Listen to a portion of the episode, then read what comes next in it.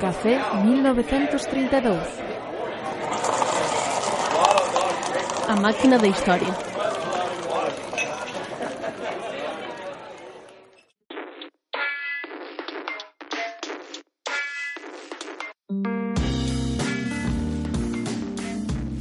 Benvidos a unha nova edición de Café 1932 Podcast de divulgación da Comisión de Historia da Xentalla do Pichel Eu son Slav Megalov e hoxe teño o placer de presentarvos a primeira parte da conversa que mantivemos o pasado 21 de xuño con Manuel Gago.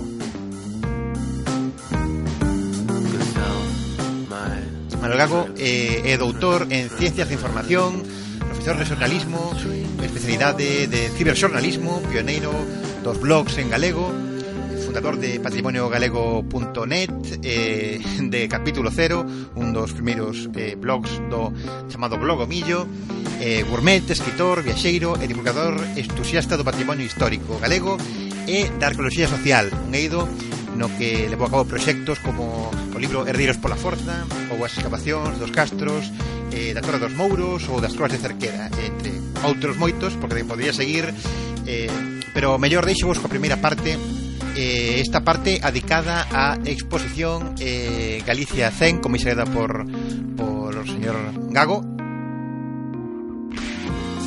E tamén falamos un pouco, ao final, eh, pues, de formas de entender e xestionar e defender o noso patrimonio. Estamos en Café 1932, o programa, o podcast de Divulgación Histórica da Comisión de Historia da Cidade de So, O compañero que acaba de falar é Esteban Ñáñez, eu son Dionisio Cancela e hoxe estamos con Manuel Gago, que pouca máis presentación necesita. Boas, Manuel. Moi boas. Eh, nesta tarde calurosa doxe, eh, queremos empezar dicindo que nos dá un pouco daquel, dous individuos como somos Esteban máis eu, facerlle unha entrevista a un xornalista. nah. Porque de historia ainda nos podemos defender, pero de xornalismo bueno, máis de pouco. Eu. De nada en absoluto, pero son... Pero... Eu encantado de estar aquí na Xentalla Que aparte que levo moitos anos aquí Vindo por aquí e facendo cousas E que a verdad que me sinto como a casa E falamos o que paga falta Pois, pois esperemos que sea entretido para nós E para, para todo o público que nos poida escoitar uh -huh.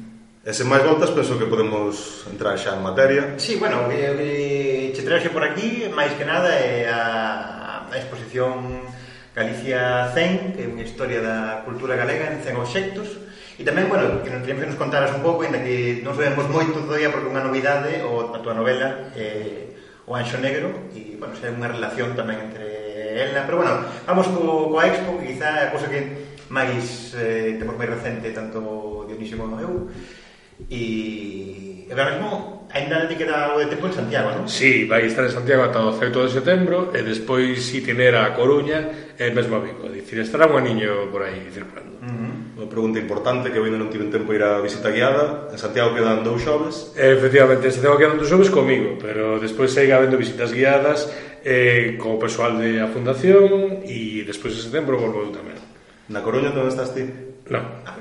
Eh, non. Eu non podo soplar, bueno, salvo que me diga algo moi xefe, non, de Cali, vale. pero, pero de principio as visitas guiadas aquí en Santiago eh, estamos facendo únicamente en Santiago. Mm, vale.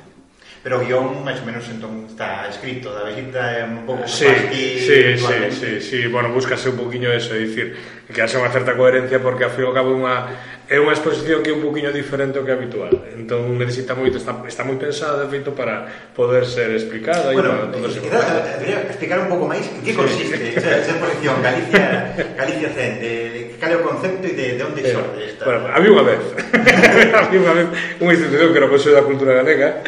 Eh, nos vimos aí dous anos eh, esto realmente empezou realmente hai casi prácticamente tres anos. É dicir, que cando vimos eh, resulta que en, que Irlanda eh, acceder ao, ao que chama a presidencia semestral da Unión Europea sabes que cada país ten que estar seis meses Ajá. digamos de, de quenda, non? de presidencia e sempre fan algún tipo de actividade cultural vinculada a, a esa presidencia no caso de Irlanda foi cando lanzaron a, o seu proxecto Ireland in, in 100 Objects en a Irlanda en 100 objetos uh -huh. e foi aí, eh, de repente claro, é eh, dicir vimos a, a través de internet vimos a, a selección Claro, chamaba moitísimo a, maleta, a, a, atención, pois, estaba a maleta, estaba, bueno, había unha serie de objetos, uh mm. -huh. e vimos de repente a potencialidade. E a partir de aí fomos tirando do fío, e vimos un pouco cal era orixe deste, deste tipo de exposicións, que era unha exposición que fixera o Museo Británico, que en realidad era un proxecto, e iso foi o que máis nos gustou,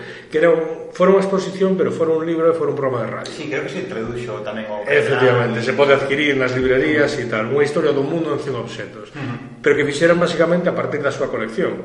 O cal, a ver, non é pouco, digamos, teñen por onde coger. Pero ainda, ainda tendo as pezas que tiñan, había outro detalle que nos chamaba moita atención, que a veces seleccionaban pezas que decías ti, joe, pois artísticamente unha peza que ten moi pouco valor ou, ou o mellor un cacho de ladrillo, é dicir, seleccionaban un cacho de ladrillo e a partir de construir. E de repente foi cando nos dimos conta, mesturando un pouco esas dúas cousas da potencialidade que tiña poder algo parecido, poder facer algo parecido en Galicia, é dicir, mesturando eh, un pouco a filosofía de nación de, de Irlanda, que era dicir contar unha nación a partir de 100 objetos, e a filosofía didáctica que tiña o British, que era de non preocuparse a veces pola calidad dos objetos, sino polo relato que podían ter con independencia claro. que poderan ser. Que non fueran tesouros, sino simplemente que fueran cosas que nos contaran. Claro, o que foran un tesouro visto de outra maneira, non? Sí, claro. decir, porque o mellor poden ser un tesouro, por exemplo, o bidón de leite que temos ali na exposición, pois pues eu non sei, non me acordo ahora que seguro ten, moi baixiño. Uh mm. -huh. É dicir, pero é un tesouro, para, para mí me parece un tesouro. Sí. A ver, eu... Sí, sí, entendo que dices, eh? Un pouco de eu son un neno non rural, pero si sí periurbano, casi sí, sí, sí, tal,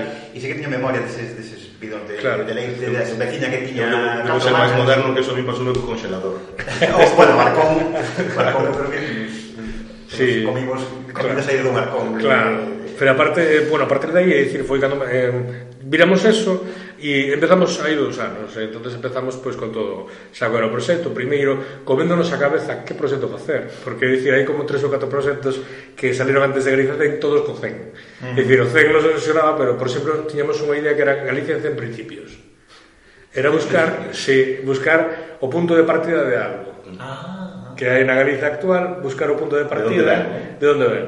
Entonces compoñer unha especie como de, de escaleira eh, un pouco incremencial. Pero bueno, é eh, que se nos facía un pouco difícil, quizáis era a clave desta conseguir, conseguir algo que sea fácil de comprender e que, e que sea un concepto como moi redondo. Entonces, ao final, eh, digamos, decidimos quedarnos con isto, que lle dá unhas voltas eh, máis a, a proxecto irlandés ou proxecto británico. É máis interactivo, ten máis elementos audiovisuais, todo ese tipo de cousas.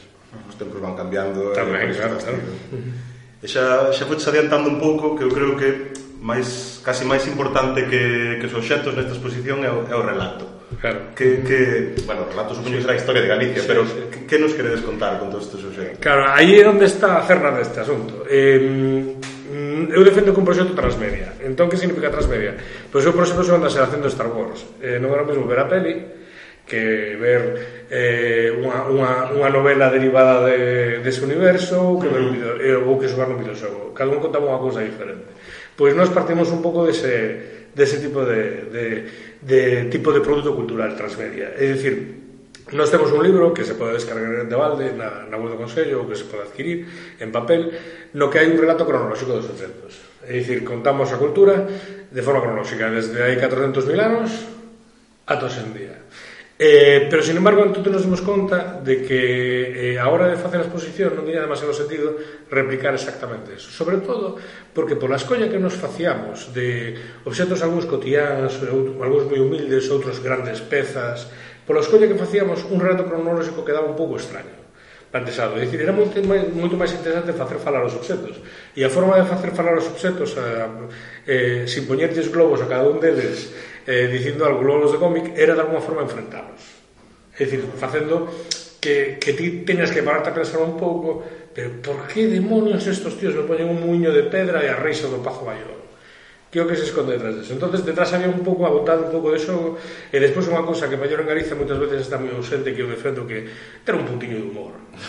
ser un poquinho así, non sei se a palabra. Claro, non sei se a palabra é gamberro, pero Mm, mm, pero de repente que nos movan un poquinho o marco, non, de, da nosa cabeza. E sí, da nosa solemnidade e claro. e trae un pouco, o, eu creo que se ve moito na exposición que falas moito do, do, do íntimo, do, do, do da vida cotiá, non? Da, mm. da cultura, pero da cultura realmente da, da xente, non da cultura como algo alleo, pobo, claro. ou pero a veces con raíces que se conectan por supuesto pois, é dicir, con, con outras e que se van relacionando con outras eu, unha das parellas, por exemplo, en eso que ti comentas que me parece das, das que máis me gustan foi unha que collemos. Collemos as ferramentas líticas que aparecen en Porto Maior que en Porto Maior, para que non coñece eso eh, eh, nas Ribeiras do Miño eh, hai 400.000 anos existiron unha serie de comunidades neandertais. Uh -huh Eh, o primeiro relato, o primeiro dato é ese, porque durante moito tempo en Galicia eh, dio mellor, o mellor se pensaba que aquí a xente chegara tardísimo, é dicir, isto era un ermo. É eh, un ermo. Eh, eh, Comunidade media tamén. Efectivamente. Entonces, eh, o que nos contan esas pezas é que no, que é dicir, había comunidades de homos... Que había eh, vida neandertal. Efectivamente, mira, entonces estos neandertais fixeron unha cousa moi curiosa que é que se dedicaron a acumular ferramentas líticas, mogollón delas, pero mogollón. E son unhas pezas impresionantes, eh, é dicir, como lle digo a xente, dicir, ti esa peza cortas un chuletón, pero, pero vamos, directamente, no momento. E dicir, son ferramentas que parecen de pedra, pero son moi sofisticadas. Nos están falando tamén dunha cultura bastante sofisticada a nivel mental. Eh, Entonces, cando eh, ese comportamento da acumulación que teñen esas pedras, eh, de repente, cando, cando traballa, estaba traballando con eso, de repente vin rapidamente caer a súa parella na exposición. Eh, échame o, o director de intervención ali, Eduardo Méndez, e lle dixen, mira, quería emparallar as túas ferramentas líticas de, de Porto Maior cos porquiños das caixas do forro dos anos 80 de Caixa Nova, de, de Caixa Vigo e todo ese tipo de cousas e tal que che parece? E dixe que me vai mandar este a, a, unha patada no cu, pero E dixo, me parece genial. Mm. Dice, porque esa idea, a idea de como, de alguma forma, os, os, os homos, é dicir, non, os sapiens, neandertais, pero tamén non somos os únicos animais que acumulamos cousas, pero ese comportamento de acumular é como eh, se percibe hai 400.000 anos e como de alguma forma se foi transformando, sofisticando hasta convertirse nun peto de aforros mm, nun porquiño, nun porquiño algo moi galego, por outra parte algo moi galego, non? Entonces... Que ademais ten a súa continuidade porque tamén tedes os machados de talón do bronce eh, efectivamente, también acumulativo. Entonces, eh, ese es otro tipo de paradoxas. Entonces, que, que amáis que non só que ves, sino que, bueno, pois pues que te que te podan sacar un sorriso da boca é dicir, e, que, e que te axuden a entender digamos como hai, hai comportamentos humanos que de alguma forma se van repetindo e que podemos eh, ver como se, de alguna forma sigue sendo o mesmo comportamento pero transformado polo momento cultural que, que no que se aplica ¿no?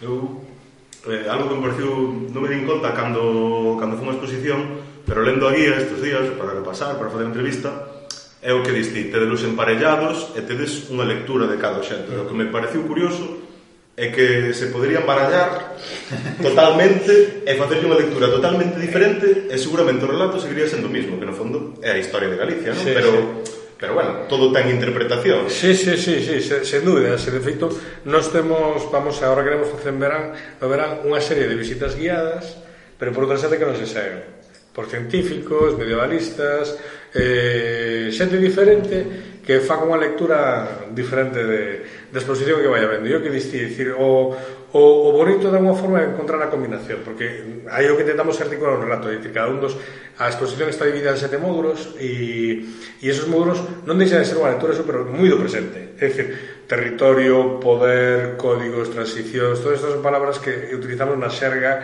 diaria do presente do mundo, digamos, cultural. Mm. entonces non deixa de ser unha lectura, pero pode haber 50 lecturas máis. E despois hai un detalle.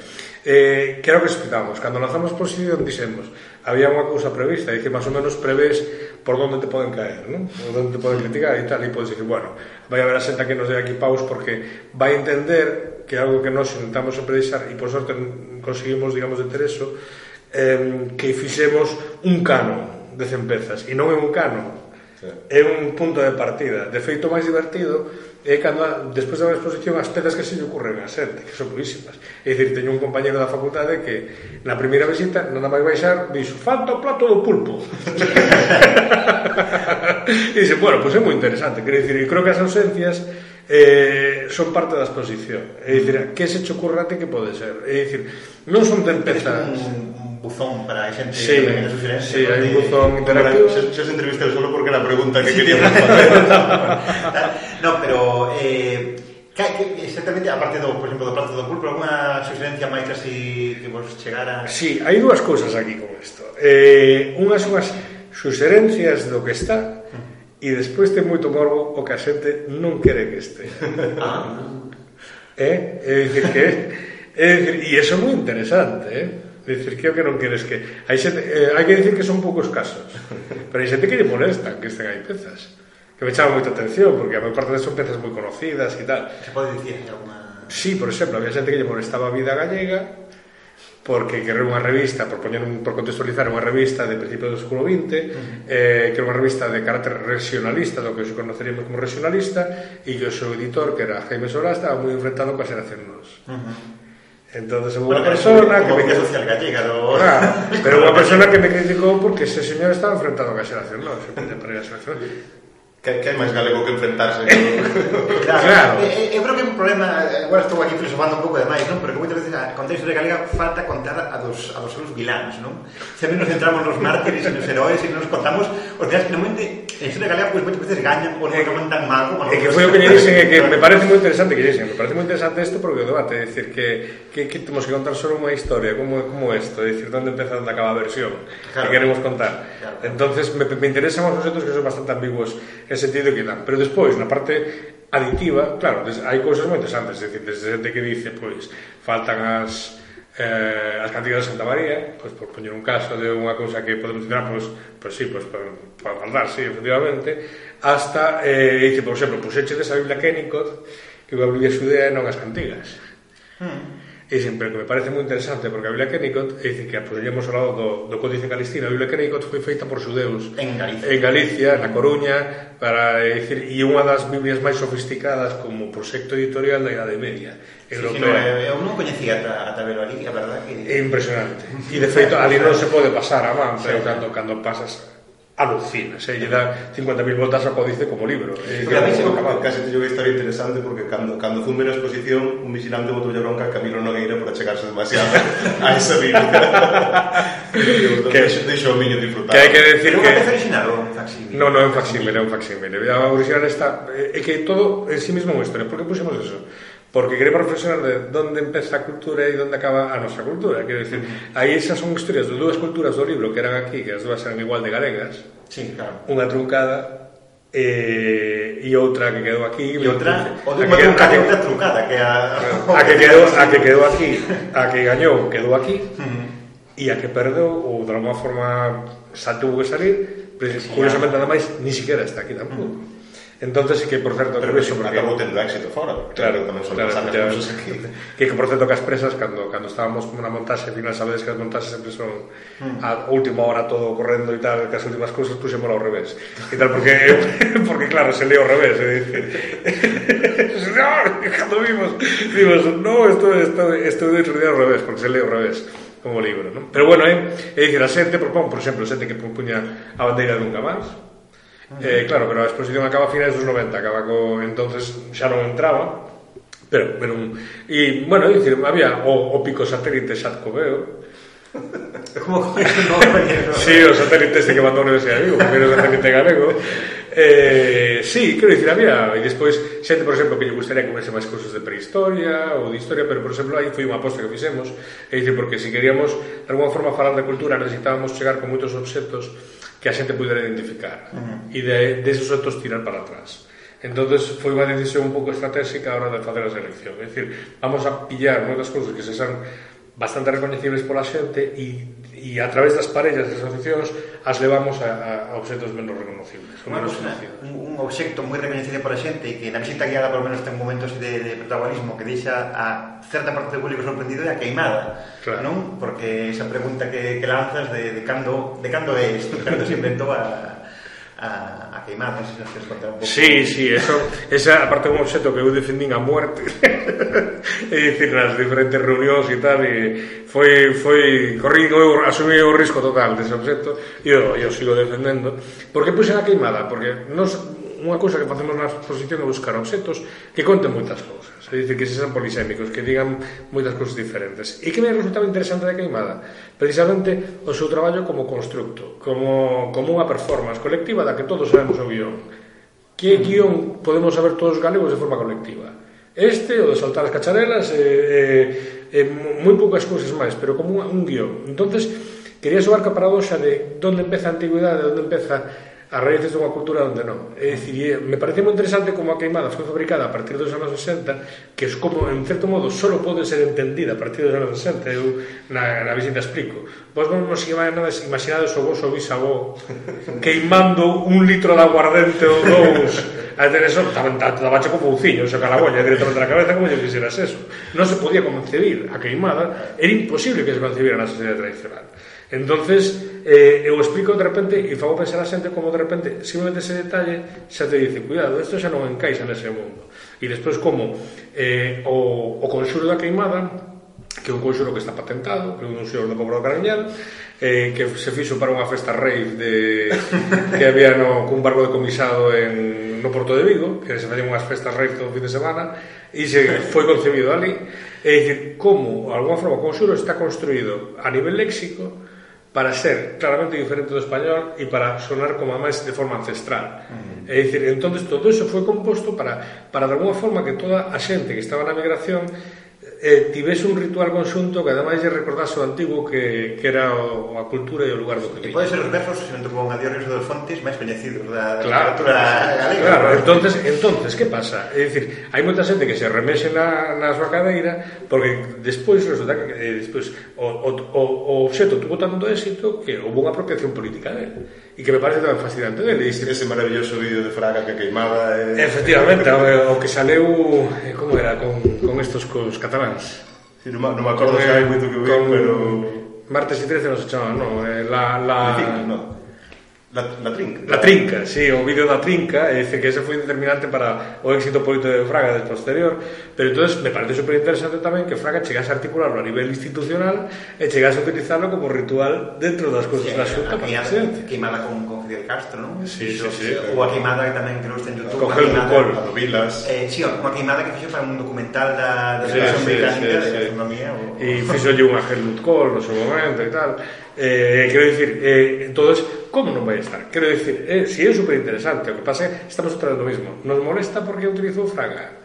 Xa. No, ah, pero ahora, ahora que estamos no, nos pensando en neso... Nos interesa porque utilizou fraga, nos interesa saber, saber todo eso claro, eh, claro. mirando, mirando esos últimos objetos de exposición hai moitos que teñen moito que ver con Fraga se bueno, así, porque, sí. porque temos o Peregrino, sí, temos sí. o Xabarín temos... claro, bueno, hai moitos que teñen que ver que con formación de Galicia claro. como autonomía e con ese tipo de de elementos, non? É dicir, o o Sabarín tamén o colocamos e tamén pasa pasa unha cousa parecida. Bueno, o Sabarín, perdón, o Pelegrín. É dicir, pasa unha cousa parecida, é dicir, non se pode entender o sector turístico e imaxe contemporánea de Galicia sen o Camiño de Santiago. Entonces, e outra cousa que por outro lado tamén tivo un pulo e unha parte de invención moi moi recente. Absolutamente. No 93 e cando de repente aquí se viñeron treinos toda a vida masivamente e Claro, eso está, aí contamos contamos a historia, contou a historia porque isto foi Vázquez Portomeñe e o seu equipo conciben isto no Gato Negro na taberna do Gato Negro. É dicir, ali nunha taberna de... nunha taberna compostelana de toda a vida e tal, conciben eso nunhas servilletas É dicir, entonces, e a partir de aí, pero concebir eso é moi curioso, porque quero dicir, Eso se lo pode concebir, de alguma forma, un goberno de dereitas, eh, mm. porque enlaza coa raíz católica, eh, etcétera, etcétera, claro. pero ao mesmo tempo... Co antigo réxime... Claro, nos, nos está falando de, con, da conformación... De, eso nos está falando da conformación de Estados de Autonomías e como a UCD, de paso a AP e de paso a AP... Si queres, podes encontrar tu relación con todo eso. Mm. E por eso, moi interesante. Aparte da, do que pode ser a imaxe actual e da relación económica. Na base do Pelegrín está toda esa conformación de eso, da UCD, das, das eh, élites tratofranquistas que chegan que despois se apuntou a Alianza Popular e todo ese tipo de mundo entonces cando eles queren desenvolver a parte turística tiran de alguma forma o cerva que les considera si nese momento o mellor Camilo Nogueira fora presidente da Xunta seguramente o mellor non, non tiñamos Peregrino no, no, no. o mellor sería outra cousa uh -huh. entonces pero eh, eh, obviamente tuvo un impacto moi grande dicir, na, na Galicia actual entonces non podemos negar ese tipo de cousas non? É dicir, eso 100.5, bueno, ahora mismo todo de o celtismo un pouco inventado, non sei se tal, ou é, é o peregrin, peregrinación... Claro, o, o, o celtismo, digamos, fabricado, aí se, se fala, é dicir, nos falamos moito da idea de eh, atlántico, é dicir, de, de viaxe, é dicir, na exposición, e iso ten que ver tamén, mellor unha lectura moi actual tamén, é dicir, hai moita referencia a viaxe, temos viaxes no Ken, temos viaxes no Alén, eh, temos eh, viaxes no Atlántico, temos algunhas viaxes no Mediterráneo tamén, eh, e falamos eso de alguma forma, por exemplo, temos unha parella que para min explica, cando a xente lle dicimos, mira, é que non é unha exposición da historia de Galicia, é unha exposición da cultura galega, eh, que a parella na que aparece primeiro unha espada votiva das que se tiraban no río Ulla na Edad do Bronce, despois aparece eh, un torques, de verdade que aparte un torques moi especial, eh, un torques da, da Edad do Ferro, que é un tipo de xoia da do bio moi común na Europa, na Europa Atlántica, e, e despois aparece o Ulises de James Joyce, que obviamente na historia galega non pinta nada, pero na historia da cultura galega pinta moito. Mm. Entonces, eh, a forma de explicar, por exemplo, o celtismo é a través de cousas comunas. É dicir, de, de, por un lado hai pezas que nos remiten materialmente a ese universo es simbólico, a ese universo cultural, pero por outro lado hai outras pezas que nos remiten a como a xente quiso vincularse a ese universo Digamos cultural. A tradición está aí, pero hai que inventala tamén. Claro, claro, claro, hai que relela, non? Como Entonces, é buscar un pouco... O, o Palpador, o San Kevin, o... Eh, Vai metendo edición, a queimada. Sí, sí, sí, claro, claro. churrasco, todos estos... Claro, o churrasco é lo mismo. Entonces, entonces eu, nos, un libro que sacamos ahora, que eh, historia, que historia das historias de Galicia, que, que é un libro que fixeron historiadores e despois eu de infiltrado aí no medio non sei moi por qué, pero, pero infiltrado aí falo un pouco o mismo, dicir que, que o debate hoxendía realmente, incluso a nivel arqueolóxico, o debate do celtismo é un debate que é moi pouco productivo, porque tampouco te aporta especialmente nada no teu traballo. É dicir, pero si sí, o tema atlántico, pero, pero o, debate, o celtismo exactamente, porque está moi vacío de contido hoxendía eso. Pero gustoume cando eu como exalumno da Facultade de Historia que un pouco cansado do celtismo, pero gustoume unha pregunta que fixe un compañero de clase cando o profesor estaba falando dixo si si beber leite celta ou comer porco celta era unha actitude política. Foi unha pregunta que me deixou case a pregunta total. Unha cousa, e o profesor quedouse flipando, porque que me está preguntando este rapaz e que respondo. Porque É un pouco claro, así, non? Pero o que digo é, vamos a ver, temos aí, temos aí unha identidade, é dicir, eh, temos o Celta de Vigo, é o mesmo que o Celta de Glasgow, etc, etc. Vamos a ver.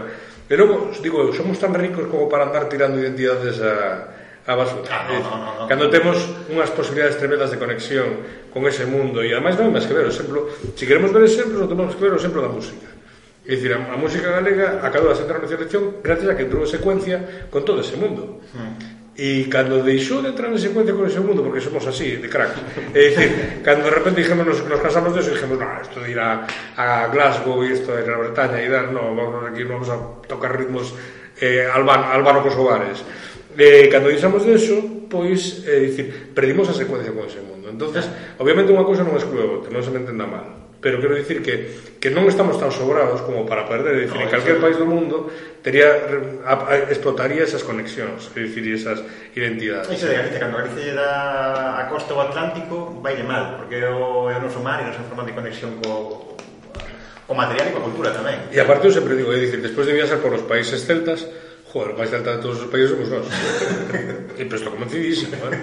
É dicir, quero dicir, é, é dicir, temos valores que eles alucinan cando os ven. É dicir, por exemplo, cando últimamente temos moito contacto con arqueólogos escoceses e irlandeses e tal, e cando veñen aquí, pero anda a boca aberta, pero anda con, a boca aberta, porque de repente atopan o seu mundo moito máis desenvolvido, supoño que pola relación con o Mediterráneo, en plan máis monumental, hmm. moito máis monumental, eh, e a veces consiguen explicarse cousas que ali non poden ver, porque non as teñen desenvolvidas materialmente. Por exemplo, as cabanas, o urbanismo. O urbanismo castrexo, eles non, non, non o poden ver porque as cabanas ali non son de pedra. Só teñen os porapetos, pero non teñen eh, cabanas de barro. Uh -huh. Entón, cando ven aquí, de repente ven un castrexo de casas, que o que ali non poden ver, por poñer un caso. Entonces, eh, hai todo un mundo aí pues, de relacións que, que é tristísimo que non estemos desenvolvendo e que non somos capaces de desenvolver cando ademais, xa vos digo, incluso a nivel científico Por exemplo, eu poño o caso no libro de Historia de Historia de Galicia. Sabedes que este tema é un tema que me encrespa e que empezo a correr ca, coño carretilla, pero era pensemos o, o ridículo que chega a resultar todo isto. É dicir, eh, cando preparei o ensaio este para Historias de Historia de Galicia, estaba repasando un pouco que era a bibliografía sobre intercambios culturais no Atlántico no Dedo Ferro. Entonces, unha tese publicada ano pasado dunha rapaza eh, no que dicía, oh, que curioso, Eh, na Bretaña francesa as casas son redondas, de do ferro, e en, e, en, e no sur de Inglaterra tamén son redondas.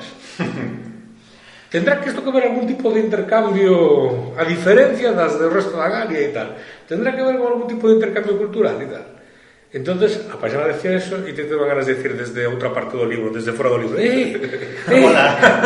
hola, estamos aquí me, me, me explico, quero dicir que con independencia de unhas cousas ou outras Eh, realmente, cando se negou o celtismo, desde o punto de vista científico, a mí o que sorprendeu cando me puse a investigar foi isto, é que toda a peña que negou o, centi, o, o celtismo desde o punto de vista científico, os señores catedráticos, os profesores de universidade, eh, profesores moi serios que decían e que falaban desde un punto de vista como supercientífico, non había un solo estudio, non fixeran un solo estudio comparativo de dado do ferro, por exemplo, entre as Islas Británicas e Galicia. Non hai un solo estudio entonces, entonces eh, foi cando alucinei moito máis de, de, da pelota a veces mental que temos con todo isto. E eh, perdón que me encrespo, pero que me chamo e que me, hostia, agora, é dicir, o primeiro estudio comparativo o fixo, e non un estudio, sino que un libro que reúne as diferentes tradicións de investigación ao longo de todo o Atlántico se publicou eh, pola Universidade de Oxford eh, editado por un galego e por un inglés Xosé Luis Armada, do, do lado galego hai 4 anos. O primeiro estudio comparativo. entonces durante todos o increíble que eso se negou durante todos estes anos sin haber unha sola base argumental. Eso tamén é algo moi galego, non? Poñeron pois...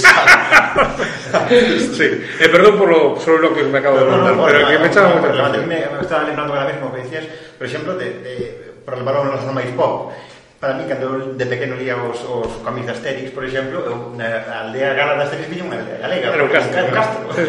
un castro. E co, co sitio de banquetes. Sí, sí, totalmente, era unha cosa. Que é unha cousa que explicamos na exposición tamén, que o, eh, a cultura do banquete eh, está moi enraizada eh, nes, en Galicia desde, desde sempre, non? Mm. Desde moito. Pero é moi curioso porque... Sí, claro, para mí non era nada alleo. claro, pero me, me chama a atención de como, a partir de comenzando a exposición, pensaba un pouco... Claro, esta exposición é de patrimonio moble, é dicir, de objetos que se desplazan. Non é de arquitectura, non? E algo así, porque había xente que nos dice que non tenes a catedral ou outro de cousa, que non, non poden estar. Mm. Isto é patrimonio moble. Eh, pero me chama moita atención como si, si escavan... Se, esca, si escavan en Galicia unha aldea galega dentro de 2000 anos, mm. se van encontrar o mesmo que nun castro porque tío sin día cando escavas un castro raro é que non te atopes unha cabana enorme no medio do castro que non ten lareira eh, que non sabes pa que vale Una nave. Eh. unha, entonces que o mismo que si horas cavas, eh, eh ainda estuve en, eh, este sábado en, en Bexo, en, en na parroquia, bueno, na parroquia de Laíño, en Dodro, e era exactamente o mismo. Vas a excavar, unha, bueno, escavas unha aldea estas, vas a excavar un edificio enorme no que hai nada dentro unha gran sala con nada. Basicamente non hai nada, por qué? Porque é a mesma sala que nos castros, é dicir, a sala das, das paparotas. Ah, vale, vale, vale. É dicir, cando escaves unha galería galega entre os vilanos vai aparecer o, o edificio, un edificio que tú non sabes para que vai valer, con moi pouca materialidade, porque son, claro, moi pouca materialidade e con unhas salas moi grandes e nas que ademais non hai xerarquía que ese tamén é un elemento moi importante. E o mesmo que contamos ali na, na queimada, é dicir, boa parte dos objetos que hai non son objetos xerárquicos É dicir, só hai unha pequena parte dos objetos da exposición de alguma forma que expresan poder como tal. Mm. É dicir, e iso é unha característica tamén, é dicir, é moi difícil atopar en Galicia objetos que expresen poder. Eh, a, a pesar dos aforros. A pesar dos aforros. é dicir, sí, que, eso se gana, que expresen. É dicir, é moi complicado atopar un objeto. É dicir, mm, aquí nos aprendimos moitísimo a partir de facelo de cousas que nos facían reflexionar. É dicir, por exemplo, a idea de fetiche ou de reliquia non?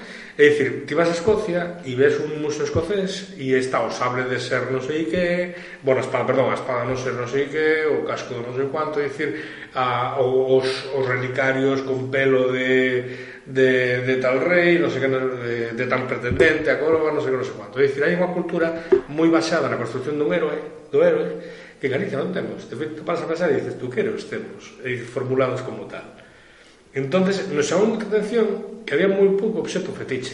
Mm. É dicir, moi pouco obxeto que poderamos vincular a alguén. Igual é que tampouco construímos moito ese relato, non? Porque, Ahí está, porque por exemplo, ocurresme na propia exposición un puñal de antenas de, de Viladonga, sí, sí. que é un pouco eso, non? Sí, sí. Ter, eh, eh, digamos, o sea, eso un patrimonio moble, pero despois o propio Castro, sí, para sí. moitas murallas son sí, sí. Eh, digamos, unha cousa colectiva, non é individual, pero, pero sí que é unha cousa de, estamos aquí sí, Torres, sí, sí. Castros o... Pero sempre hubo un relato de eso, de colectivos E dicir, de feito, pois pues, poño outro caso Que poderia ser máis convencional O típico caso no que se, se construíron héroes Que é a Guerra de Independencia Si miras a nivel español, temos un montón de héroes eh, O sea, de héroes construídos da Guerra de Independencia que se enfrentaron ao francés E agora vos pregunto, quenes son os héroes galegos que se enfrentaron ao francés?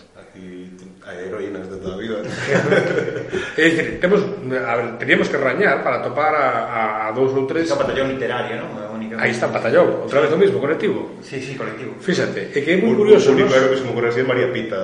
Pero claro, sería así, e foi construída sí, sí, na historiografía española. Claro. Hmm. Non foi realmente unha construción da historiografía galega. Hai, hai dous fetiches, están, dous fetiches que están xuntos e que sí. realmente son como un momento sí, sí. extático para calquera e tal sí. pero están eh, xuntos porque ambos os dous tamén foron fetiches como explicaros agora construídos porque eran as armas, bueno, as armas ou os, os símbolos do, do malo, da historia, non? Efectivamente, efectivamente, que eso é unha das quizás das cousas máis fascinantes, porque cando nos dimos conta de eso, de que, por un lado, decimos, tampouco queremos facer unha exposición de fetiches, eh? é dicir, por exemplo, existe, sabemos que existe o sable de Solís ou ou, ou un dos mártires de Carral sí.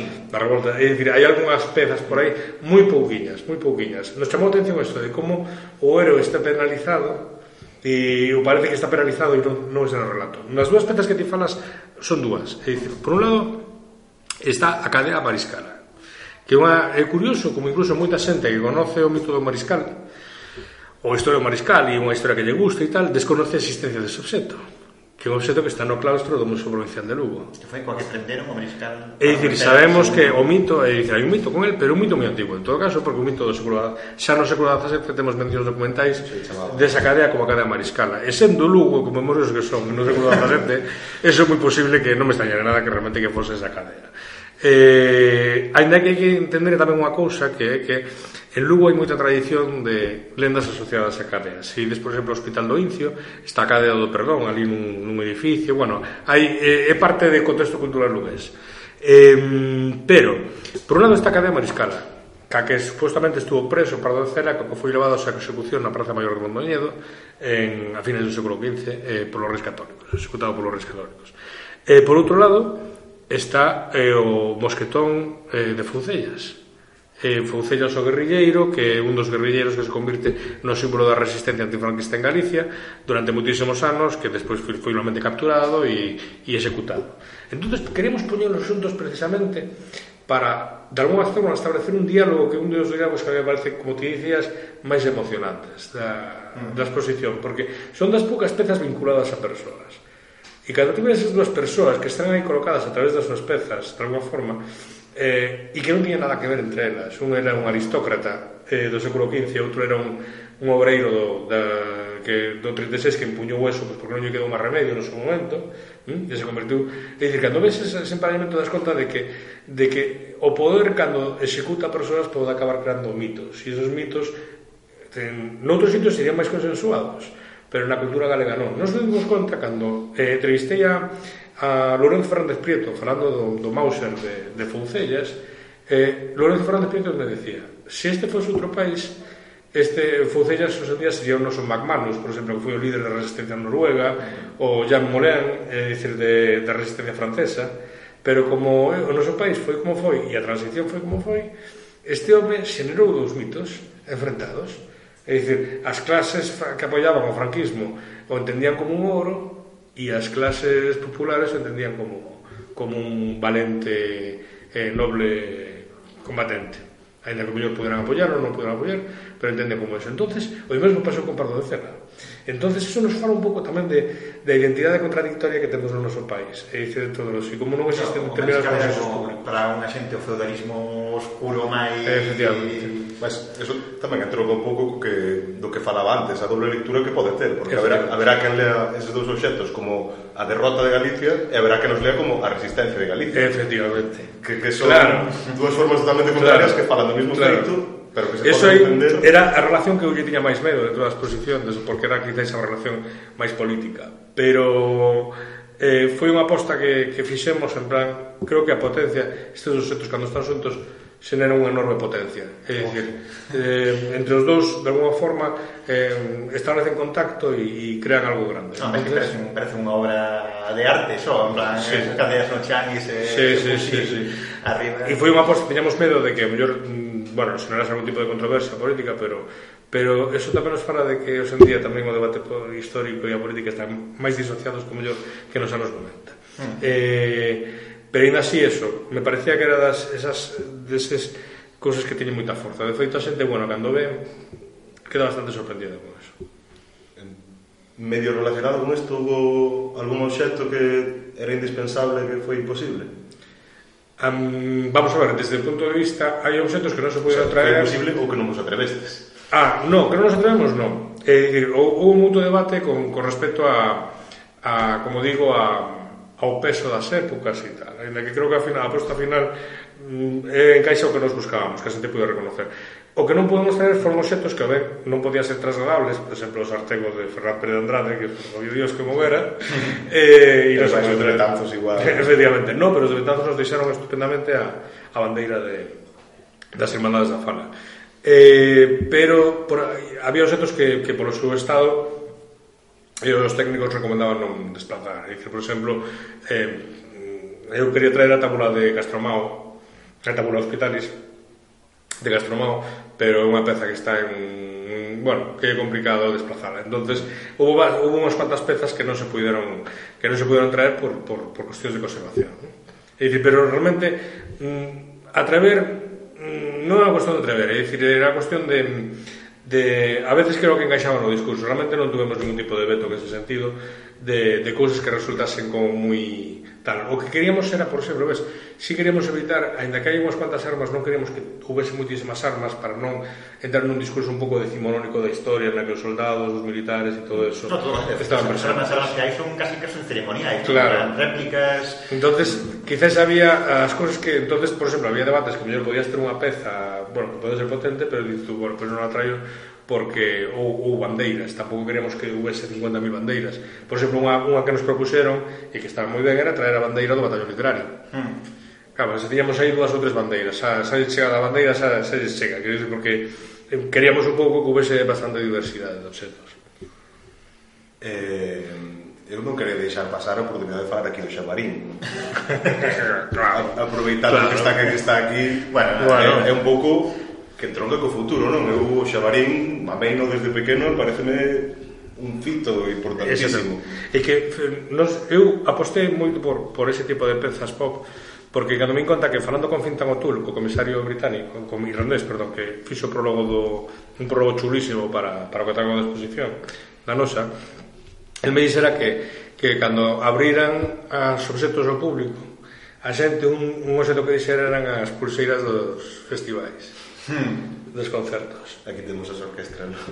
claro, pero, pero me chamou a atención que eh, é certo, dicir, o Sabarín é unha figura que está tremendamente insertada en varias xeracións de, de, de galegas e galegos que, que, que, que o temos vivido, pero que ademais operou nalgo que de repente rompeu bastante os esquemas con respecto ao que existía previamente. Entonces, eh, nos parecía muy interesante meterlo y de alguna forma conectar con todo ese mundo. Y yo mismo, es decir, fue el último objeto que seleccionamos prácticamente, es decir, eh, paramos aí a conta, porque tínhamos con más ou menos conscientes de que hasta aí o público vai chegar, é dicir, si non queremos necesita, isto eh, é unha exposición que necesita un pouco de perspectiva. Entonces, deixamos 15 anos, é dicir, os últimos 15 anos mm, de perspectiva, é dicir, que tú ves certa mirada para atrás. É un pouco por, por así por buscar o tal, o xabarín que tedes é un xabarín pequeniño que é do redeseño do xabarín. Sí, non, sí, non pero, que outro, pero que outro era enorme. O sea, todo, entonces, entonces eh, o diseñador, con moi bo criterio, Pepe Barro, cando veo despois outro, non podemos meter isto. y tiene enorme. Entonces, eh, lo que hicimos, tuvimos que ir en el último momento a cambiar a los abarigatos vegana y e traer un pequeño que se quiere dos rediseños. Pero está, está muy bien. Y otro está en tu vegana eh, también eh, debe ser. Eh, enlazar con otra pregunta, o sea, debe ser la cosa más fotografada da TV e cal é a peza máis fotografada da exposición? Bueno, eso, eso eh, cal, eu, eu volo pregunto a vos e logo volo contar. Como vai, como vai Cal vos? Que é a fotografía. Eu, eu, ti comento, eh, eu, eu vin a, a visita guiada e falaches de, de dúas. Non sei, primeiro que diga, digo que o que... Home, non sei, a, a min perdene o meu, entón eu tiraría sempre pois objetos arqueolóxicos e prehistóricos. Sí. Supoño que certa xente chamará atención alguna cousa, se saben o que é, porque non sei hasta que punto si, si non vai que a visita guiada hasta que punto a xente sabe o que é un betilo uh -huh. ou a xente sabe o que son o que pode representar as moedas de requiario que son algo que parece insignificante uh -huh. ten unha importancia sí, sí, sí, sí. tremenda Por eso non sei hasta que punto... Moi interesante eso que esa argumentación. E ti estuveras na visita, non? Sí. Eh, eh, eu o que mm, o que me, o que fotografaría eu en plan de tal, como se dixen, a, a cadea do mariscal e a, e o fósil me parece un conxunto moi tal, ese non sei como é a palabra, ese, ese home de, que tedes de papel maché. Home plástico. Home, home plástico. Home plástico. Pero non é de papel maché, non? Papel maché, sí, sí, sí. sí, sí. Que é bastante impresionante. Finas, Pero para comentar así durante a exposición, que o que chama moito a visión a xente é o futbolín de Alexandre de Fisterra. Sí, sí e a bata de Zara. Eso é impresionante, a bata da Marca Ortega, porque é de previa a empresa bueno, Zara. É dicir, eh, o obxecto máis fotografiado seguramente é a bata de, de Inditec a bata de, de, de Goa que é a bata eh, da primeira empresa que tuvo Amancio Ortega e que tuvemos unha sorte. É unha, esa bata non está na exposición Confío en Galicia porque en Inditex non a teñen e tal, e nos atopámola eh, en Porto do Sol nunha mercería con, con etiquetas aínda eh, que é unha bata que estudia en todo o mundo e curiosamente eh, ese eh, con diferencia obxecto máis máis fotografiado. Entonces, nos leva a facer unha reflexión tamén sobre a nós mesmos tamén sobre eh, que o que percibe a xente das exposicións, por que o fotografía? Tamén, porque esa pregunta, é dicir, por que fotografían eso? É dicir, eh, e, e te direi que os objetos arqueolóxicos, que son maravillosos a maior parte deles, eh, son os menos fotografiados. Xa, xa, era o que me esperaban, por eso dixen que eu tiro o meu, pero... Sí, sí, sí, sí. E eu tamén me podía esperar o mesmo que a ti. Pode ser, pero... porque a xente imagina que o máis bello xa está moi fotografado. É dicir, ti vas a ver a catedral non vas a foto. Pois fíxate que eu teño outra teoría. A ver, Sabes a teoría que teño eu? que como non temos nin puñetera idea da historia de Galicia e como nos colexios non se sigue a enseñar cero de historia de Galicia non temos referencias de todo eso e por tanto non sabemos se é importante ou non é importante Vale, eso, pero, eso que me refería con as monedas de, de recreo. Claro, é dicir, non temos ni idea de todo. entonces hai que ter en conta que no ano 2016 a educación de Historia de Galicia, tú se verá máis desto, aquí, ou tal, pero, pero a educación da Historia de Galicia no, nos colexos galegos é absolutamente de pena, é un auténtico escándalo. É dicir, a mí me parece un auténtico escándalo, é dicir que que haxa unhas Tuve que coller no instituto como optativa. Claro, é que estamos falando. Éramos catro gatos aquí. Entonces, me dou conta desto porque hai dous anos eh Fomos en Francia, fomos a Alesia. Alesia foi o lugar no que Xulio César derrotou a, as tribos galas. As cinciatoris. Sí, efectivamente. entonces Alesia é un campo de millo. Vamos, é un campo de millo. É dicir, hai un campo con, con centro de interpretación no medio, pero Bolosuro está literalmente rodeado de un campo de millo. É dicir, non hai nada, non se ve nada. É dicir, e estuvimos ali, eh, a miña parella, que é unha fenómena calculando visitantes, calculou nesa mañá uns 15.000 visitantes e Galicia. Haber un campo de millo. E dicir, eso, por que van a ver un campo de millo? Polo peso da educación e polo estilo de educación da historia en, en Francia.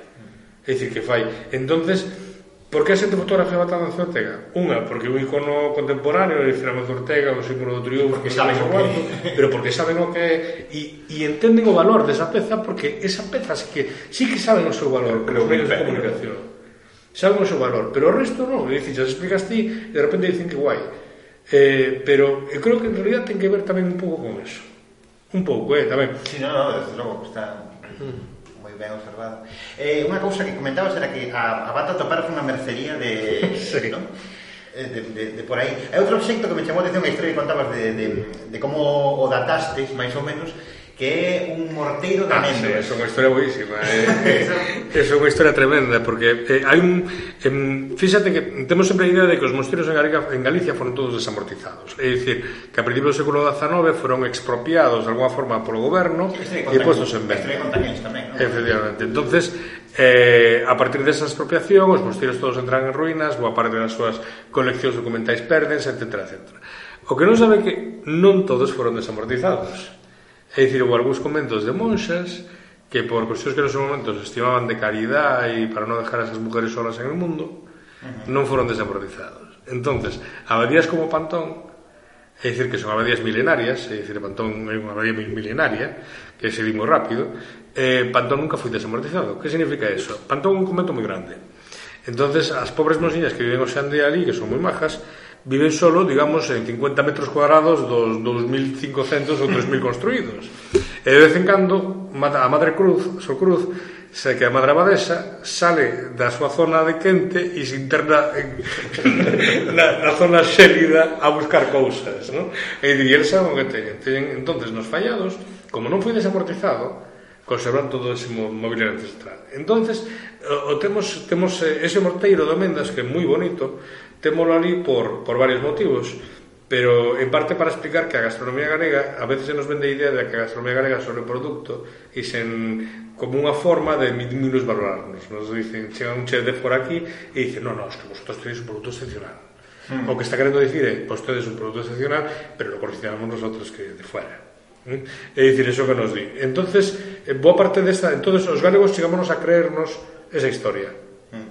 eh, eh, E o que fai ese morteiro de amendoas é romper con esa historia, romper dicindo que eh, no antigo réxime eh, aquí se facía eh, unha gastronomía super elaborada eh, que era construída de amendoas, de... con amendoas, é dicir que era a máis a gastronomía máis elaborada que se podía facer no antigo réxime e o producían ali en Pantón de maneira industrial, porque o tamaño do morteiro o que explica é que o facían de maneira semi-industrial, é dicir, para moita xente.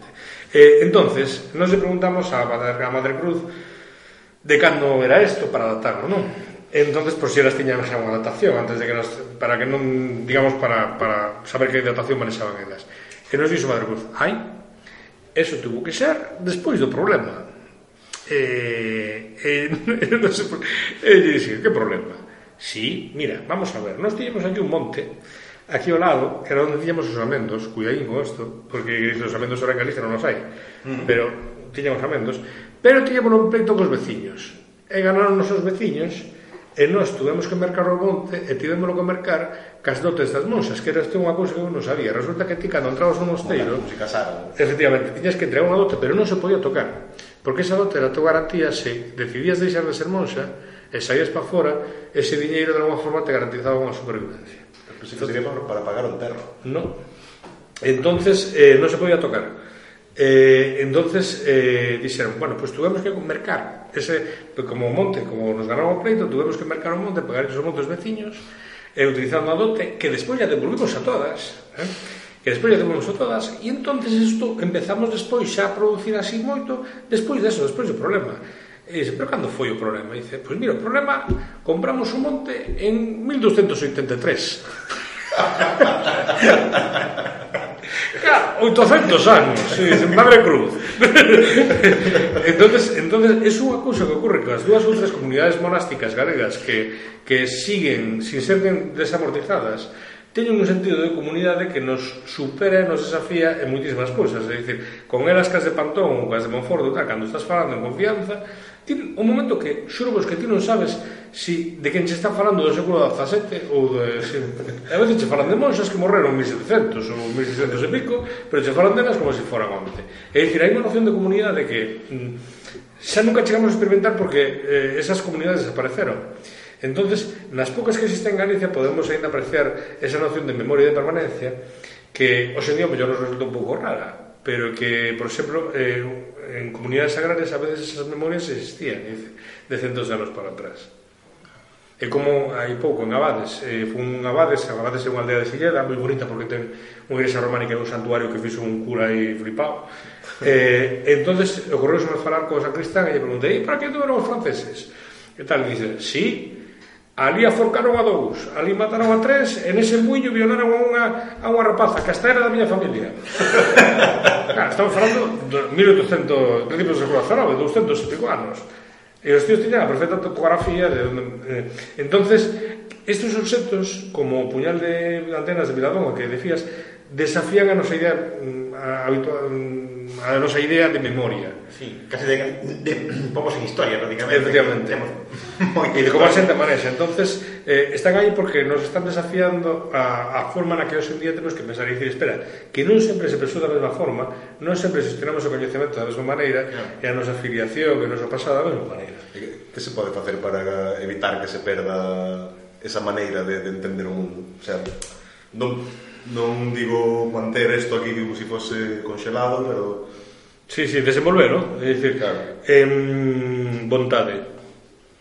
O que necesitamos é vontade de querer facelo. É dicir, em, hoxe a mediodía me contaban un caso, é dicir, de estas que hai xente que non quer reconocer que isto sigue pasando e que, e que sigue pasando unha, unha rapaciña, a filla duns amigos nosos, que ten ahora de 15 a 16 anos, ela con 10 anos decide falar galego unha rapaza que ten moita personalidade e decidiu falar galego. Entonces outro día me contaba como ela estaba con as primas e a súa prima lle dicía para que hablas gallego que ridículo? É dicir, ese tipo de cousas que se nos enseñaban da sociolingüística, aínda que hoxe en día moita xente teime en negar que eso sigue existindo, eso sigue existindo. Oh, claro. Entonces, eh, a vontade, temos que ter vontade de ser. E como se soluciona? Non se pode. Parecería algo tan fácil, a veces Non que sea tan fácil, pero se si non temos unha historia de Galicia nas escolas, non podemos, todo o que pagamos vai ser voutade. Se, si, se si non temos unha cultura que se produ que produce e que traballa con, e que xestiona con esas historias e que a xente recibe na tele e que disfruta con elas e que vive con elas, eh, non, pode, non, pode, non, non as usa, é dicir, quedan fosilizadas. entonces o que necesitamos é desenvolvelas, é dicir, facelas regalas, eh, facelas vivir, pero tamén necesitamos que estén estructuralmente máis metidas no noso sistema educativo, pero despois necesitamos facelas vivir. Eu sempre digo un caso. Aí anos fixe un reportaxe, eh, hai uns 4 ou 5 anos, Eh, era un reportaxe sobre unha cousa que me comía bastante a cabeza, que a mí me interesa moito as relacións entre literatura comercial e literatura artística. Entonces, me chamaba a atención, dixen, eu, canta, cantos libros, eh, sabedes que se pusera de moda a novela histórica? E o Becherer, Camiño de Santiago. É dicir, un pouco no ronsel do Código da Vinci, é mitiquísimo Becherer, infame... Sí, un, un xénero. Efectivamente, infame do Camiño de Santiago con sus templarios, su grial, é dicir, su, su Camino de la Oca... Bueno, tamén un pouco de Pablo Coelho, que tamén foi o primeiro gran escritor. Entonces, na mezcla entre Pablo Coelho e Dan Brown, pudo ter explotado isto e, e, e morrer todos, pero en realidad salieron os, os beseres. Entón, fomos un día, eh, era un reportaxe para a cultura galega, para o portal do Consello, e colle que fui un día a librería San Pablo Ceu, que me dan a mí veces cousas destas, a librería San Pablo, e me puxen a buscar, porque, fun a ela porque ten moitos produtos para peregrinos, non? Mm. Entonces me puxen a ver todos os bestsellers históricos. Eh, bueno, para que non se de Compostela, a librería San Pablo se pode decir que é a librería un pouco Católica. Católica, efectivamente. Na Vilar. Pero está moi céntrica na Rúa Vilar, entonces está moi orientada a venta para turistas, ademais. entonces me chamou a atención e efectivamente tiñan individualizado un, un, un gran candel con todos os besellers do Cabillo de Santiago. E todos tiñen unha característica en común. Sabes cal era? que estaban escritos con personas por personas con apellidos compuestos. bueno, Cookie Fernández Rada, eh, eh, nombres así, Cookie, Vicky, eh, cosas así e tal, todos tiñan apelidos compostos. E, e todos estaban castelán. De repente me di conta bueno, que... Outro clásico galego da aristócrata feminina que en castelán. Sí, pero eran todas madrileñas, aristócratas femininas. Eh, eh, ou vallisoletanas, ou zaragozanas, ou cosas así. Eh, e me di conta de que de repente dixen, oh, espera, cal foi o último libro sobre o Camiño de Santiago en este un pouco en este plan que se fixo en galego? Me encanta que foran 13 balaradas. Pero sobre todo nos anos 90, que foron precursor de alguma forma dese, dese, dese xénero. É dicir, pero que desde que, que en Galicia un xénero que xerera moitísimo tema comercial e chegar a clases, eh, porque son libros para, digamos, para chegar a, a xente moi diversa, como tal, todo isto, eh, non se producía.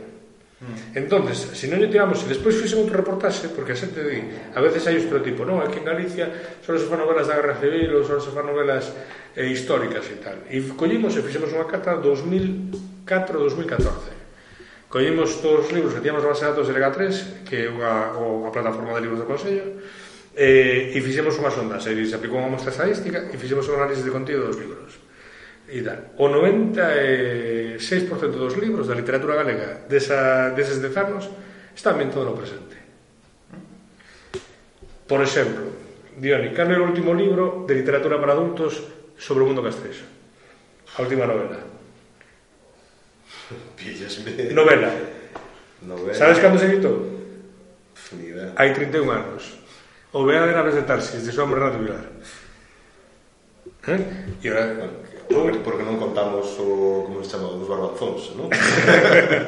a ver, hai algunha máis pero en castelán e tal, e os barbanzóns, pero falaba novela, non? Porque quero tamén fixen vento chuvia, pero pero pero falaba novela, un xénero normal e tal. Outro máis. Eh, último libro sobre os irmandiños en galego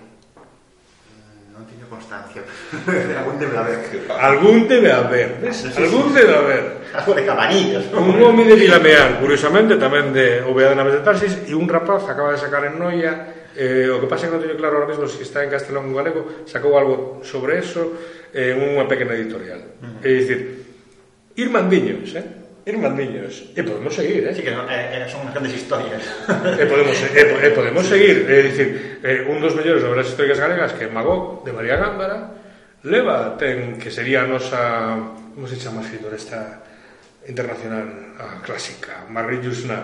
Eh, María Gándara sería a nosa Marguerite Yusnar, unha tía increíble, escribindo. Magó, que é a historia de, de Afonso VII, é dicir, o Conde de Traba e todo isto, pois facilmente 20 anos, e un, a mellor unhas mellores novelas históricas galegas que ten escrito. Quero dicir, non nos enganemos, nos mismos ni siquiera reproducimos a nosa cultura. Eh? Bueno, non sei, entre, entre, eh. entre amigos, entre Dio, Maiseo e máis xente, temos como fetiche un libro curiosamente escrito por unha muller con apelido composto sí. en castelán, que é doña eh, Victoria sí, sí, Fernández sí, sí. Armesto, sí, sí. Eh, que perdón, Victoria Fernández España, bueno, Victoria Hermes, ¿no? Sí, Victoria Fernández, Victoria Hermes, Totora, para os amigos que é o Galicia Feudal, sí, sí. que é un libro bastante divertido, bastante ameno, bastante inconseguible actualmente. Sí, muy ameno. E, e que eu cando, cando descubrimos, para mí foi unha, unha, unha revelación ver que había tanto sí. tanto xogo de tronos en Galicia, sí, sí, sí. En medieval, sí, sí. que completamente ignoramos actualmente. Sí, sí, sí, que sí, sí. Dá para moitas novelas históricas e sí, sí. televisión, pero alucinantes, además. Sí, sí, sí, sí, sí, no, historias increíbles y tal, pero o Vasco da Ponte, pero Victoria Fernández Armesto foi tuvo eh, esa visión, que pasa que estamos lo mismo, es decir, un libro en castelán de hai un mogollón de décadas, ¿no? Porque cando é dos 60. Eh, eh 69, pode ser? Ou... Por aí, sí, creo que había unha edición de Sandela outro 71. Claro, foi ese liño daquela, pero... Claro, claro, foi porque estaba moi ben escrito. De feito, eh, moitas das cousas que afirma eu, eu, eu utilizo ese libro para, para unha cousa na que estou traballando. Valor histórico. E valor histórico bastante relativo. Eh, dice, cando buscas, cando rascas un pouco e dices... Uh, uh, uh, uh. Tengas fontes. sí, pero, pero efectivamente, dice, pero, bueno, eso mismo, ano 71 E que estamos así continuamente con todo. É dicir, entonces, que nos falta? Non, eh, a historia é un imaginario. A historia porque é un constructo, é dicir, un, eh, un, un constructo. Pode basarse en ferias, pero ao final conformando un imaginario, xenera, a partir dos traballos históricos se xenera un constructo tamén. entonces eh, si nós mesmos en disciplinas de creación cultural relativamente baratas, como pode ser a literatura, hmm. pasamos dela infamemente, que esperamos? Está ben, que esperamos. Pues, eu, así lendo entre liñas, eh, de paso xa lanzamos, porque poderíamos estar toda a tarde falando do BNSF e, eh, eh, e seguir hasta mañá e hasta a semana que ven seguramente pero xa podemos enlazar ante a falta de vontade de crear ese relato o que nos queda basicamente literatura enlazando con outro tema arqueoloxía social non? é a maneira de chegar a xente a cultura, o patrimonio e... é que mm, este, este eh, a literatura efectivamente é a vía barata que, que, que temos para poder axudar a crear eso. Un, un, digamos, é un punto de partida, é dicir, que nos pode levar. Eh, arqueoloxía social é unha forma de restituir o que a educación formal non fixo e subvertido e transformalo. É dicir, se a educación formal nos queren alfabetos con respecto ao noso territorio, é dicir, aquela social o que busca é construir ese coñecemento desde ese propio territorio, é dicir, non tampouco soltar chapas mono É dicir, eh, se non integrar de, de alguma forma a xente no seu discurso. Eu este sábado eh, viví un momento emocionante dentro do que, de que podemos estar. Tuve que ir a dar unha charla a unha comunidade de montes. Eh, e despois da charla me pediron que se si les podía enseñar, porque esa é unha comunidade de montes que ten que tomar unha decisión moi importante con respecto a un castro que ten. Entonces, eh, son 300 comuneiros eh, dunha zona rural Entonces, cando acabei, primeiro me pediron podes nos dar unha conferencia explicarnos que é eso? Hmm. E despois nos podes enseñar in situ a ver eso. Entonces, fixe unha conferencia pensada para xente moi diferente, no que eu explicaba que, que de que época podía ser, como era a xente que vivía, todo eso e tal. E despois fomos aquí. Entonces, lle estuve enseñando todo, estuvieron vendo, entenderon inmediatamente, comprenderon perfectamente todas as estruturas, e entonces empezaron a debatir, eles a mí mesmo, sobre o futuro do xacemento sobre o futuro do lugar. E o debatía con un sentido común, un suizo que eu poucas veces teño escoitado en mesas de, de reunión de, de especialistas. Sendo moi conscientes, por exemplo, dunha cousa co especialista, hai que ter en conta que o especialista é un señor que cobra unha nómina ou que vai pasar unha factura. Sí. Entonces pensa hai en corto plazo. Sempre o... Pensa en corto plazo. E dice que non é, non é malo, pero el pensa en corto plazo. Pero de repente esta xente estaba pensando como propietarios que deixaban un legado entonces subiron o Castro cos seus nenos E entonces empezaron a falar, e empezaron a falar, falaban do Castro a 30, 40 anos vista. Un especialista fala do Castro hasta as eleccións, hasta as seguintes eleccións. Mm. Hasta saber hasta cando vive vi, vi alcalde. E, e escoitei, eu, a verdad, me, me pediron opinión un par de veces sobre un par de cousas, pero eu dixen, hostia, aquí calado eh, podo aprender a vida. E de repente me din conta como a xente empezaba a xestionar. A partir do coñecemento recén adquirido, empezaban a xestionar e a formular un, un proxecto sobre o seu lugar. E me pareceu algo tan increíble. E dice, porque teño visto outras veces, pero nunca vira, sempre chegan a nós, cando queran facer un proxecto, xa, cando primeiro deliberaron entre eles que de alguma forma queren empezar. Nunca vira como eles entre eles negocian, fan os equilibrios de poder, eh, ven e deciden, bueno, a parte forestal, a parte de intereses, tal, que o que queren para isto, Eh, e de repente pudonos ver e dixen, joder, toda esta xente está facendo isto porque previamente aprendeu algo, aprendeu a ver este lugar e de repente xa eles mesmos corren carrerilla. Moitas veces eh, temos esa idea como de que o, o paisano non valora o que ten, pero que realmente non sabe o, o valor que ten e, e obviamente ter eucaliptos pois dá máis cartos que ter unha pedra. Te, non... te conto este, te, te, te conto, vos conto outra, outra anécdota que me pasou estes días, que levamos dos anos con el. Eu me interesa moito o mundo dos, dos normandos, dos vikingos e tal, mm. e atopamos unha referencia documental moi interesante, hai anos, eh, de que falaban de como un grupo de mercenarios eh, lordimanos axudaran a destruir un castelo cerca de Lugo. Wow. Entón, fun a ver o lugar. Eh, efectivamente, exactamente arqueolóxico, é dicir, estaba, estaba claro, tella, posiblemente medieval, segundo, quero dicir, e polo tamaño, moi interesante, porque se si ese castelo foi destruído e como o río ordenou non volver a ser levantado, temos aí un estupendo fósil director de, de, de como era un castelo no século X. Uh -huh. ¿Mm? eh, prácticamente, bueno, arrasado, destruído, pero, pero tenemos unha posibilidad de ver un castelo no século X. Eh, entonces, eh, baixei dali, eso foi a primeira que vin foi hai dous anos. Baixei dali, eh, preguntei, eh, había unha señora, eh, sachando na litu. Entón, dixen, señora, como é chaman ali? Ah, pois chama a pena do castelo, e tal. E hai moita pedra, saleu dali, e tal. E tal, ah, pois mire, eh, estaba falando, e dixo, non, oh, teño un neto e tal, e dixen, voulle querelle que diga unha cousa para que lle diga, non, voulle contar o que hai, e dixen, entón se contei a historia un pouco en Brand Light, pero a historia do que pasaba ali, onde como ali se meteron uns vascos, de como, de como un conde, o conde Rodrigo, cos seus varóns e os, e os romanos os mataran a todos, e os queimaran e destruíran todo ese lugar e tal. E a bella está ali, non? Eh? A máis temos fotos, estaba a boca aberta. E o primeiro que dixo a bella foi, teño que contar ao meu neto Foi o primeiro que dixo. É dicir, a forma de decir, me abrello que me contas, se me parece importante, era claro, teño que transmitilo. Transmitir o pasado. E era, non me dixo nese momento, pero era a propietaria da finca.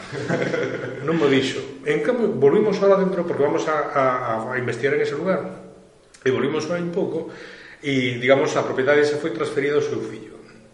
O neto seguista está Dali é o seu fillo. Entonces, facer eso aí dous anos, que todo o mundo teria pasado a collido o coche e tal, cando chegamos ali, Eh, e falamos co fillo, o fillo se emocionou e chorou porque ese lugar era moi importante para eles, porque xa sabía a historia, porque estaba contada previamente, e porque ese lugar era moi importante porque a pedra da súa casa salira de aí. Oh, claro. E, pero xa sabía a historia, entonces ustedes foron os que viñeron aí dous anos e lle contaron a miña nai o que ali había e tal, que nós non sabíamos nada, só sabíamos que lle echaban a pena do castalo, pensaban que a tella que había aí tirada era a tella que deixaran. Foron a Pois non sempre nos quedamos pensando, nos gustaría, e de repente, e facilitaron todo, é unha, é unha finca privada, é unha finca que non está declarada patrimonio, e non van a ter ningún problema en poder facer que se declare patrimonio protegido. Entonces, eso é arqueoloxía social para min. É dicir, porque cando colocas a xente no centro dese, dese coñecemento, pasan cousas maravillosas. E a, a veces non, a veces pasan cousas, pero Eh, aí onde está a xestión e onde está a experiencia. E aí onde moitas veces ten que intervir os profesionais en eh? xestionar as dificultades e os problemas que a veces levan este tipo de proxectos. Pero aí non quería deixar pasar esta pregunta non sei se o resto xa te interesa pero quería saber moito. Non sei se estaba falando da comunidade de Montes do problema que houve hai pouco co proxecto de, de Costa dos Castros Non, non, estaba falando outra comunidade de Montes. Claro, aí quería que me deras mm. unha opinión sobre como ves como se pode mm compatibilizar a arqueoloxía profesional e a arqueoloxía social e solucionar este tipo de problemas que mm. surdiron nun proxecto que a mí sí. me parece moi interesante. É un problema moi triste. É dicir, é unha, creo que unhas polémicas máis tristes que, que teño visto nos últimos anos como, como polémica porque era eh, como dicilo? Porque en estas cousas hai que, hai que, hai que dicilas ben. Cando un, dúas, Podería dicirlo de dúas formas. Unha é a enorme ventana de posibilidades de recuperación de patrimonio que está abrindo Costa dos Castros e, polo tanto, as inmensas posibilidades de negocio para un sector profesional da, da arqueoloxía do patrimonio que de repente quedan truncadas por ese sector profesional, es, eso algo. Por o propio sector. Polo propio sector, eso algo que por exemplo movo o mundo de, das empresas de tecnoloxías de información estes días comentei yo con xente da, con empresarios da, botábase todos as mans a cabeza porque me preguntaban pero eso, pero eso que es que pero entón por que protestan? Porque los voluntarios van a destruir aí las cosas. E dicen, no, eso hai un procedimento controlado, regulado, no que se traballa de forma determinada e sempre pre prevendo todo. Entonces, cal é o problema? É dicir, entonces, por un lado, é o drama que xa denunciamos en Herdeiros pola Forza, de como, cando a sociedade está despuntando, e isto mesmo pasou nos anos 80, eh? nos anos 80 pasou o mismo, a sociedade estaba despuntando, estaba empezando a coller iniciativas propias polo patrimonio, e todo iso de repente quedou paralizado por unha maraña de rollos administrativos, burocráticos, de promovidos polos profesionais que pecharon. E o que estábamos vendo aquí é exactamente o mesmo problema. Eu podo entender que pasa, O mundo da arqueoloxía é un mundo tremendamente depauperado desde o punto de vista económico. É dicir, os profesionais eh, viven en precario, eso é algo que eu nunca fui capaz de entender porque conozco poucas disciplinas. Vamos explicar primeiro cal é o problema, non? Ah, bueno. Estamos falando aquí. claro. Que, que tuveron que parar unha escola de verán arqueolóxica por culpa de que sindicato, non sei ben como foi de arqueólogos, denunciou a, as, sí, as empresas, as asociacións de empresas eh, a través dun convenio, é dicir, hai moitos datos técnicos aí que, pero sí, é dicir, digamos que o que denunciaban era que o que decían era que se quería que se quería suplir o traballo dos profesionais por voluntarios que ademais pagaban por eso. Claro, o que me parece curioso é que son as propias empresas que están facendo eso, e non a xente que fai arqueoloxía social. Pero que ahora mismo claro. se vai iniciar un proxecto en suyo que leva unha das empresas que está nese, nese tal eh, nese, nese, nese grupo que vai a traballar con voluntarios. Entón, o problema, o triste que é que, que non hai un doble rasero, efectivamente. Entonces, un... entonces eh, todo é moi triste, porque o que estamos vivindo, insisto, eh, para algo vale a historia, que é para ter perspectiva. Isto todo pasou nos anos 80, no despegue democrático, é dicir, Xur Sayán o documentou perfectamente ben na, na comarca de Narón. É dicir, estaban despegando un montón de iniciativas e todas quedaron fosilizadas porque de repente cae como un plomo eh, un conxunto de intereses privados. E aquí o que pasou, eh, e é o que está pasando, é dicir, Costa dos Castros está tendo un modelo innovador aquí, que claro, ese é un modelo normal en toda Europa, e iso é triste, porque a xente fala e porque non coñece nada a realidade arqueolóxica europea, no que este tipo de proxectos son absolutamente a cousa máis normal do mundo. De feito, por exemplo, en Escocia estuve hai un ano na Sorni, nas Illas Órcadas. Ali se está excavando o famoso eh, se chama a Catedral Megalítica, é dicir, na, ao lado, é dicir, no conxunto de, de, megalit, de, de sitios megalíticos de, das Orcadas, aparece unha especie de gran zona ritual con cabanas, un sitio impresionante. Bueno, pois aí están excavando americanos, que o que se fai en toda Europa, que os americanos das escolas de arqueoloxía de Estados Unidos pagan por vir a Europa a excavar. E pagan, e unha forma de financiar as excavacións. E iso non compromete para nada o registro arqueolóxico. entonces eh, é unha cousa moi triste e moi fea. É dicir, e todo o que se iso, porque, por exemplo, houve unhas jornadas no Consello da Cultura a, a semana pasada e todas esas polémicas que salen por o Facebook non saliron ali. Era o momento ideal para poder falar e discutir sobre ese tipo de cousas. O que vou pode servir este problema que, que é unha faina gorda para, para Costa de Castros para xerar por fin un debate necesario para, para a arqueoloxía? Eh, hai unha semana houve oportunidade de facelo e non se fixo. A xente prefire falar polo Facebook e non prefire falarlo en cara. entonces o problema non é ese. O problema é que a administración eh, fai unha política de pilatos lavas as mans e non intervén. Que ten que dicir sobre eso, dar un puñetazo na, dar un puñetazo na mesa da administración. E te aseguro que esa administración, díxese, deixémonos de parvadas, deixémonos de parvadas, eh, todo este problema estaba solucionado. Porque eh, este problema se deu porque había moita ambigüedade na resposta da administración, moita inhibición claro, e a ausencia de un regula, unha regulación, que, claro. que as empresas non se aproveiten, pero que non se deixe de facer arqueoloxía social que é importante e necesaria. Claro, pero non só eso, sino que, que estás comprometendo... comprometendo además, recursos. Acabou, que decías ti, xera postos de traballo. Claro, e ademais hai unha, hai unha cuestión eh, eh, que hai que tener en conta que aí son catro comunidades de montes que se pusieron de acordo para xerar recursos para un proxecto. E de repente ves uns tíos que non teñen nin idea de, de todo o traballo que estaba ali e de como se levan as cousas e do cuidado que se levan as cousas pontificando eh, sobre o tema en Facebook tranquilamente en todos os sitios sin ter nin idea sobre eso e sobre as consecuencias que eso pode ter E eso tamén nos leva a outro debate que, que xa aquí aquí Slob xa nos pide descanso, no, por favor. Podemos seguir despois, vamos a descansiña. Sí, pero, pero eso non unha cousa. Nos leva un debate que a sobredimensión, a sobredimensión que en este momento están tendo moitas veces as opinións nas redes sociais porque tamén conozo outros proxectos por sorte a mí non me tocou pero conozo xente que lle tocou que co haber un par de comentarios negativos no Facebook alá se foi un proxecto de recuperación de patrimonio porque o alcalde ve un par de comentarios negativos no Facebook. E como non saben dimensionar o que é a crítica e todo ese tipo é moi triste. Entonces con esas tristezas si queredes descansamos ahora e seguimos. Sí, sí, vamos. Volvemos a ver.